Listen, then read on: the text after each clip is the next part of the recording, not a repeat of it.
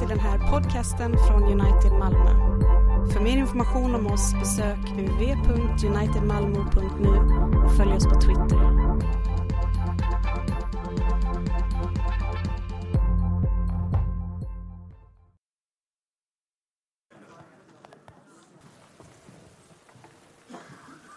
Vi lyssnar till den här söndagens gammaltestamentliga text ifrån Jesaja 56, vers 6 till 8.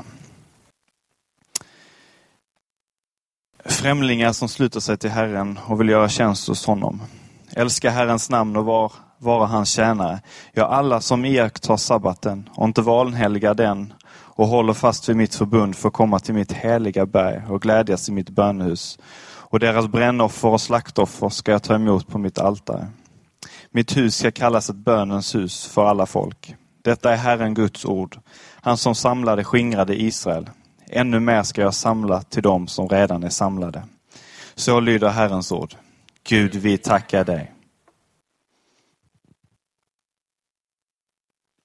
Vi lyssnar till denna söndagens nya testamentliga text från Efesiabrevet kapitel 2, verserna 12 till 16. Kom ihåg att ni på den tiden var utan Kristus, utanför medborgarskapet i Israel, utan del i förbunden och deras löfte, utan hopp och utan Gud när ni levde i världen. Men nu, tack vare Kristus Jesus, har ni som en gång var långt borta kommit nära genom Kristi blod.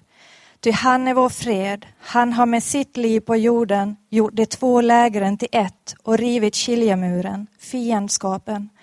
Han har upphävt lagen med dess bud och stadgar för att i sin person skapa en enda människa av de två, en ny människa och så stifta fred. I en enda kropp försonade han de båda med Gud genom korset då han i sin person dödade fiendskapen. Så lyder Herrens ord.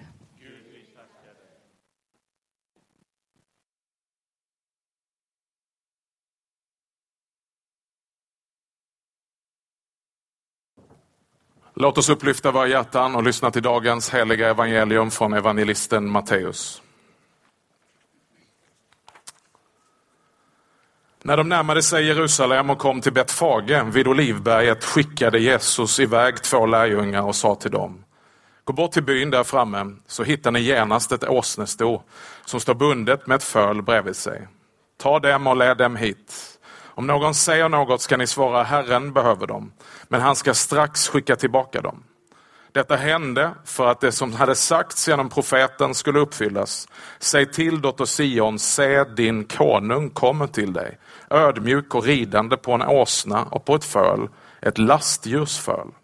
Lärjungarna gick bort och gjorde så som Jesus hade sagt åt dem. De hämtade åsnan och fölet och la sina mantlar på dem och han satt upp. Många i folkmassan beredde ut sina mantlar på vägen. Andra skar av kvistar från träden och strödde dem på vägen. Och folket, både de som gick före och de som följde efter, ropade Hosianna, Davids son. Välsignade han som kommer i Herrens namn, Hosianna i höjden. När han drog in i Jerusalem blev det stor uppståndelse i hela staden och man frågade, vem är han? Och folket svarade, det är profeten Jesus från Nasaret i Galileen. Så lyder det heliga evangeliet. Lovad vare du Kristus.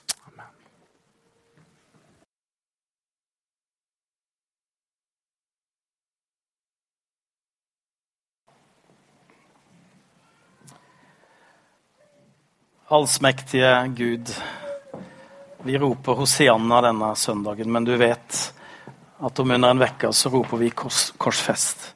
Vi ber at du leder oss inn i den hellige vekken, så at vi får se alvoret i vår synd, men storheten i din nåd. Til din ære i Jesu navn. Amen. Palmsøndagen innleder den hellige vekken. Og det er et klimaks som er på gang, som er så stort at det på et sett er svårt å ta inn. På en uke så utspelar det sig två dramatiske berettelser. Den ene handler om deg, den andre handler om Gud.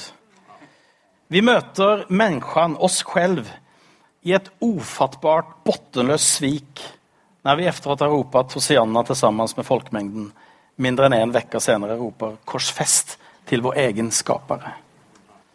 Og vi tror at der redder vi oss selve når vi døde honom. Men i tidens største paradox så er det just det som händer, men det er han som redder oss.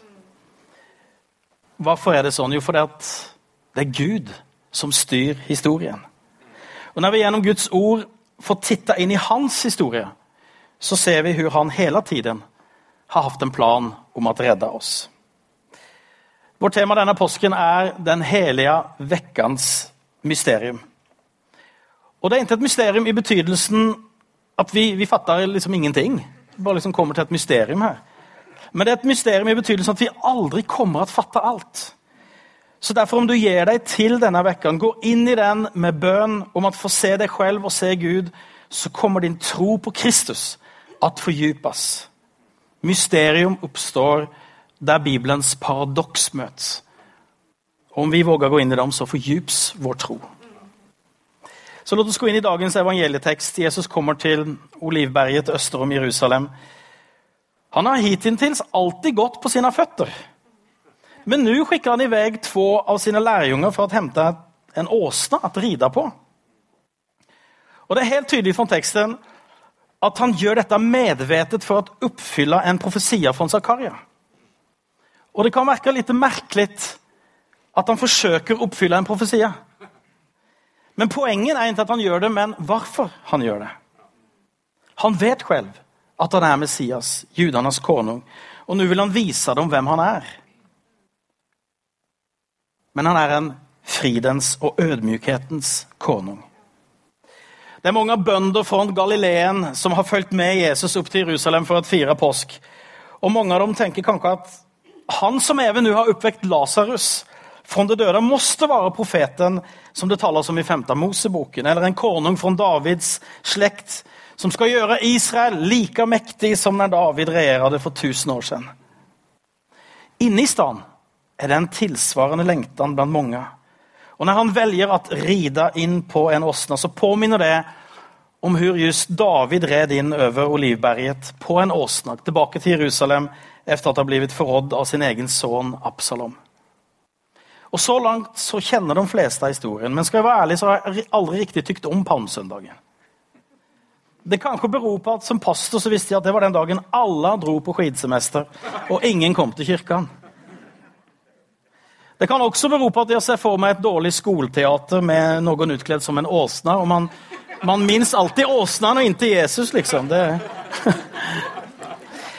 Men jeg tror det har å gjøre med at jeg ikke har gripet hva denne dagen har med meg å gjøre. Men innenfor denne predikken så har ordet fått gjøre sitt verk i meg, og min bønn er at den helige Ande ska anvende ordet til å gjøre et verk i deg også.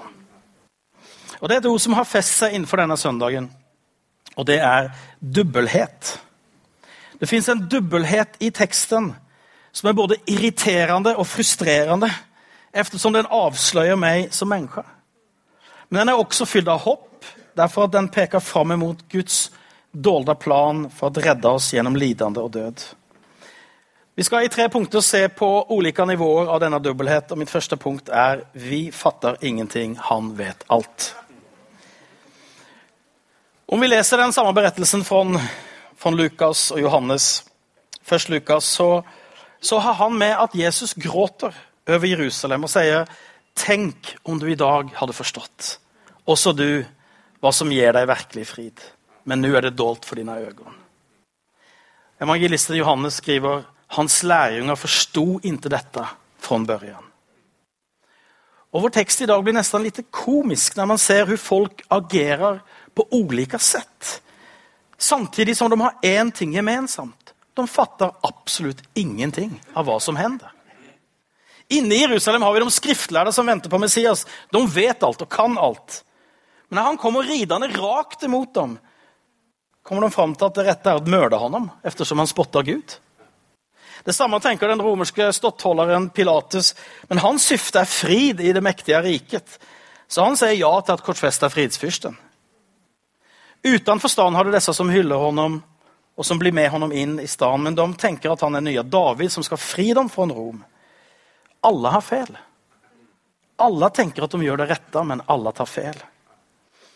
Og Årsaken til denne spontane hyllningen av Jesus som oppstår der, at han har oppvekt Lasarus fra de døde. Så de tror at han er fra Gud, absolutt. Men de har ingen aning om hva Gud holder på med.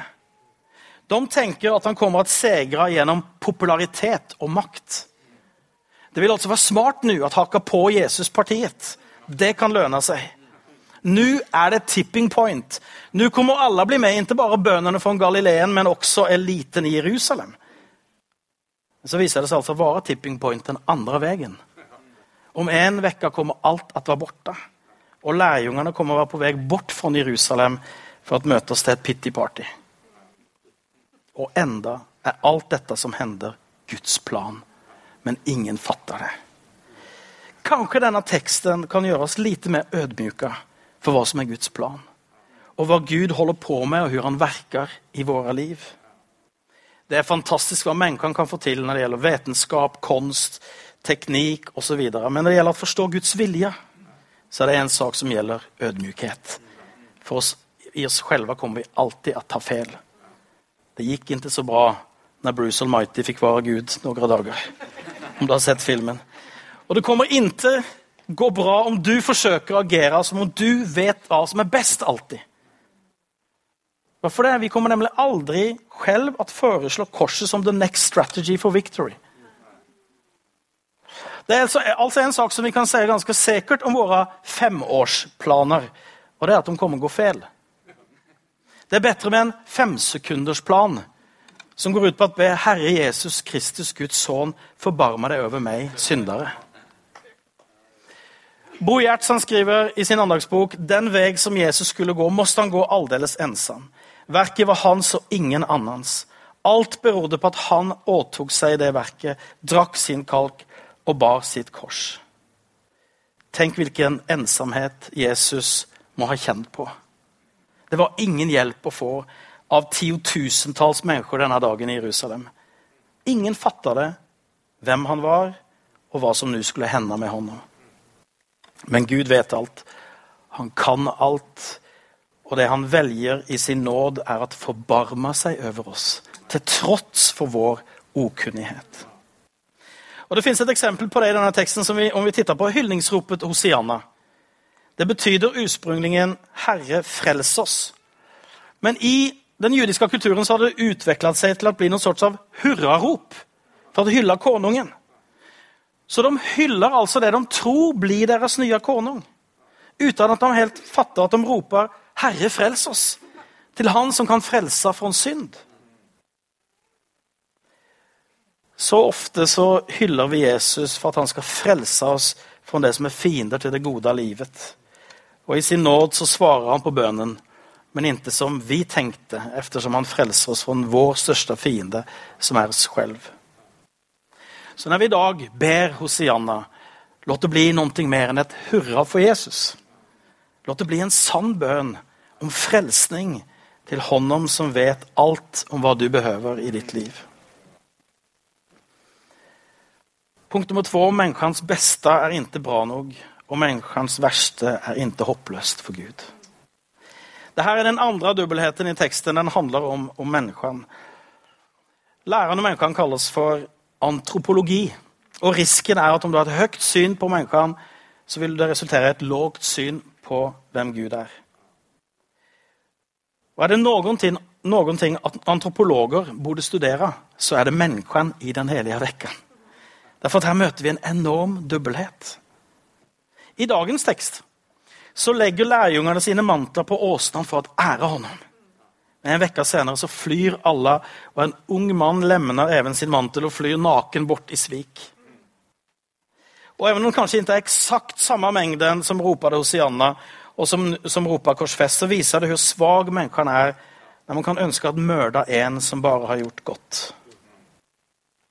Hvorfor kunne ikke Jesus ha stannet der etter Hosianna-ropen? Og kanskje etter at Petrus hadde bekjent at han var rede å gi sitt liv for Jesus? Det er liksom når du er et peak i menneskene. Yes, det her låter bra. Låt oss bygge på det, Jesus. Bra, bra stemning, høyt engasjement og unge mennesker fulle av ressurser. Det låter som en genial plan for suksess. Problemet er bare at den beste utgaven av menneskene ikke er bra nok for Gud. Derfor gråter Jesus når menneskene jubler for hånden. For bare han vet sanningen om vår åndelige tilstand even på vår beste dag. En som er smittet av en dødelig virus med verdens beste lindrende vård, og en som er smittet av samme virus og lever på gata, har én sak gemensamt. De er i prinsippen døde.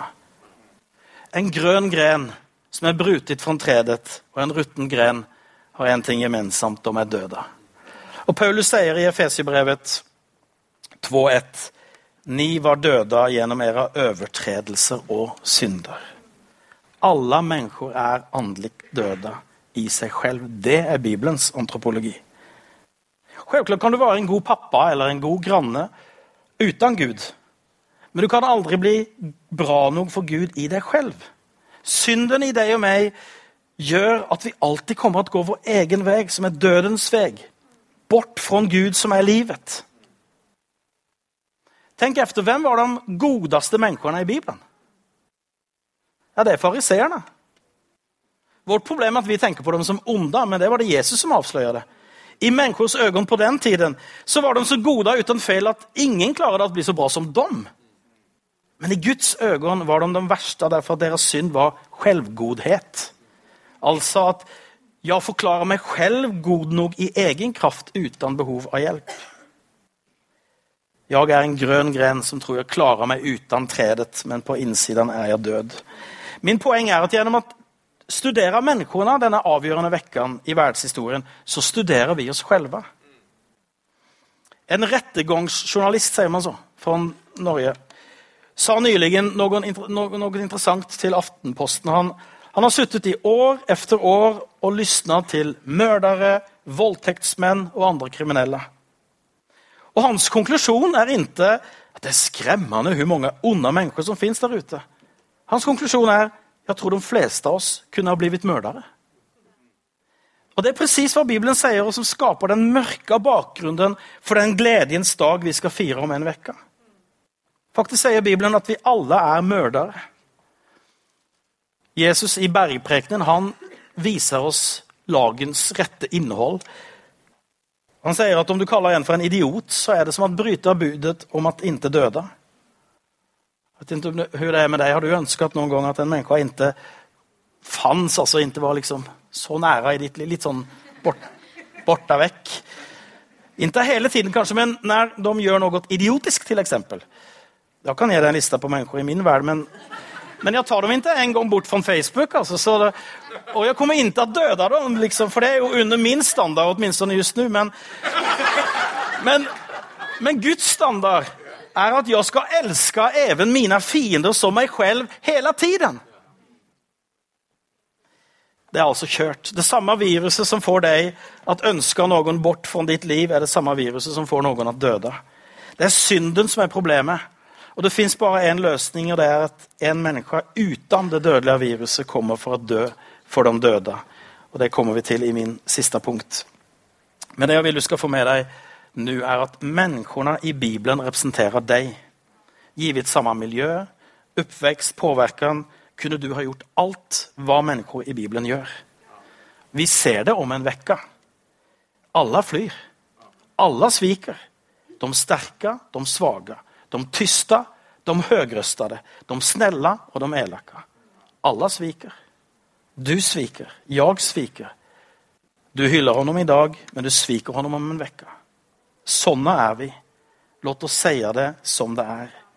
Som dagens tekst fra Efesiebrevet sier, ni som en gang var langt borte. Vi er virkelig langt borte fra Gud. Men teksten sier noe mer. Men nå, takk være Kristus Jesus, har ni som en gang var langt borte, kommet nære gjennom Kristi blod. De gode nyhetene er at vårt verste ikke er håpløst for Gud. Men det kom ikke uten et offer, uten blod. Og det er min siste punkt. Seger gjennom lidende. Dette er den tredje dubbelheten i palmesøndagens tekst, og vi ser den i vers 5 hos Matteus. Si til datter Sion, se din konung kommer til deg, ødmjuk og ridende på en åsne. En konung på en åsna.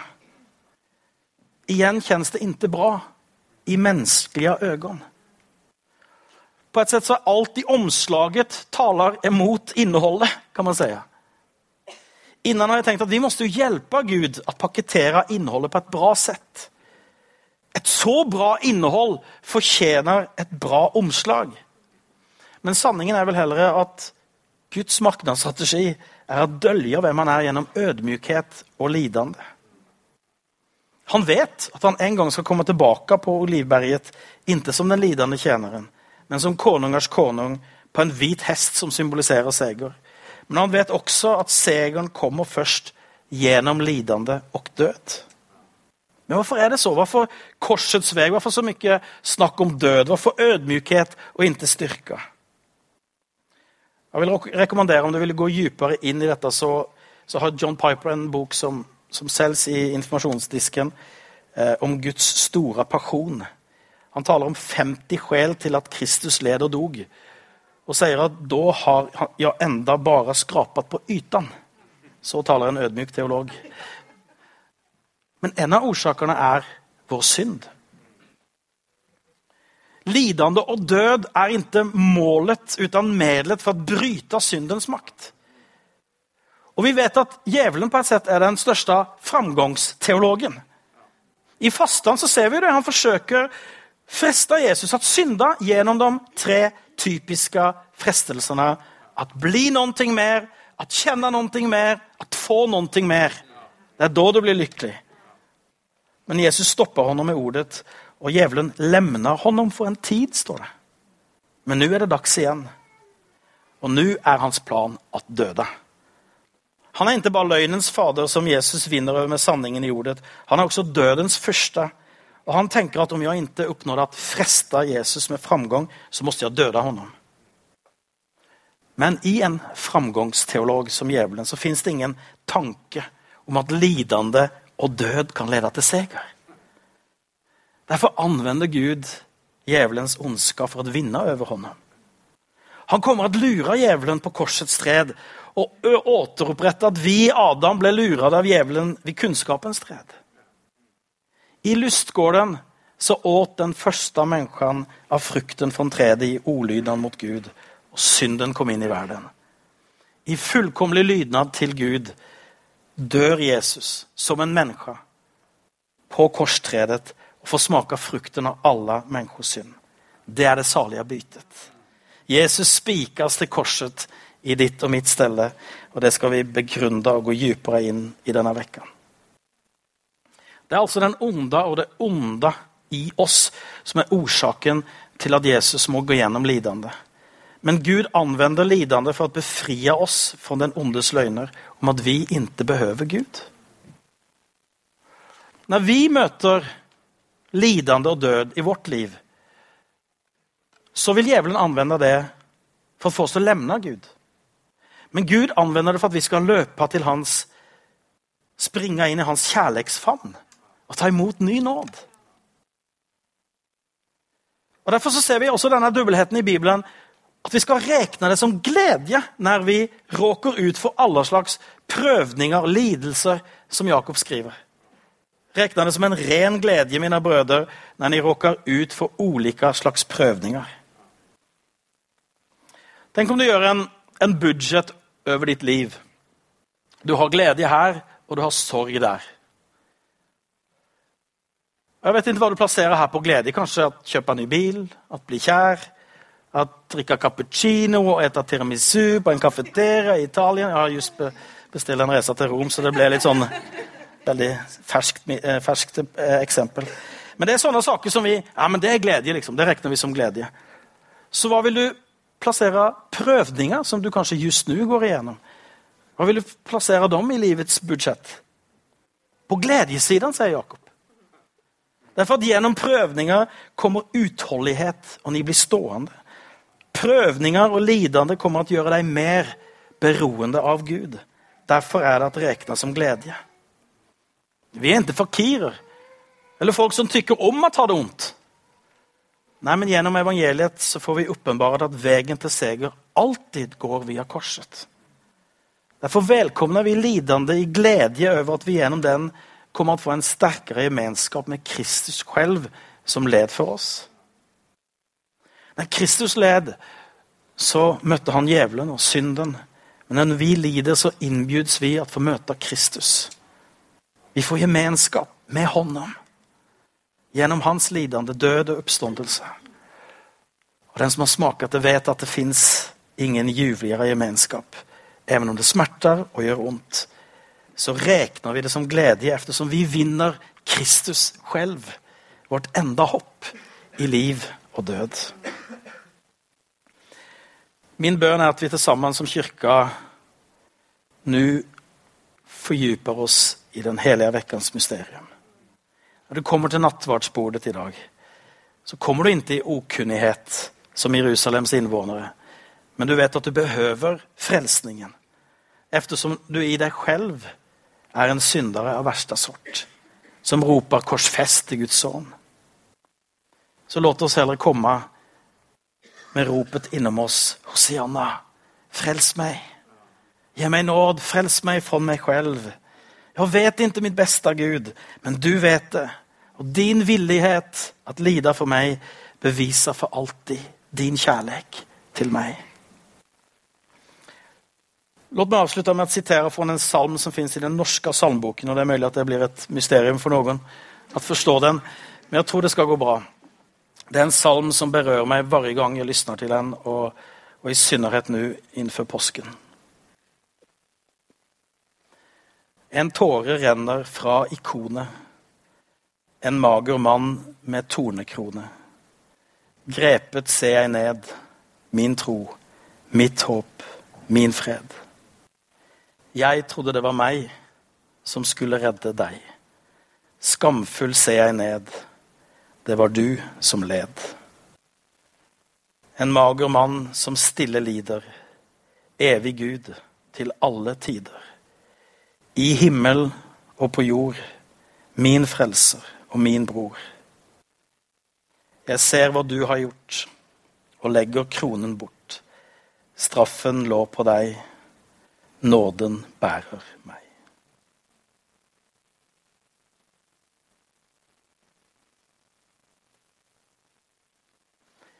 I Faderns, Sønnens og den helige Andes namn, nu og alltid og i evigheters evighet. Amen.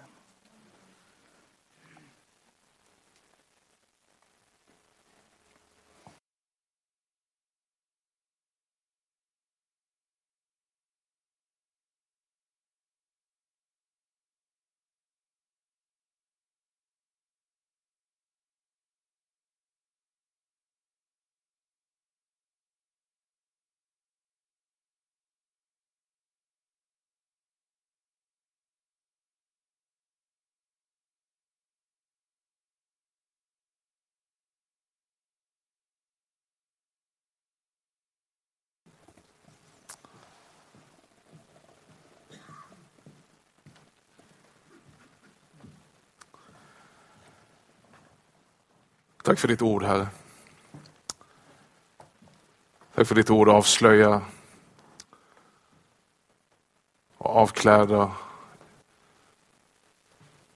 ytlig entusiasm. Herre, låt oss inte bara ryckas med utan låt oss tränga in i det mysterium som uppenbaras genom din lidande son. Vi ber. Amen. Låt oss stå upp tillsammans och bekänna vår kristna tro. Vi tror på Gud, allsmäktig Fader, himmelens och jordens skapare. Vi tror på Jesus Kristus,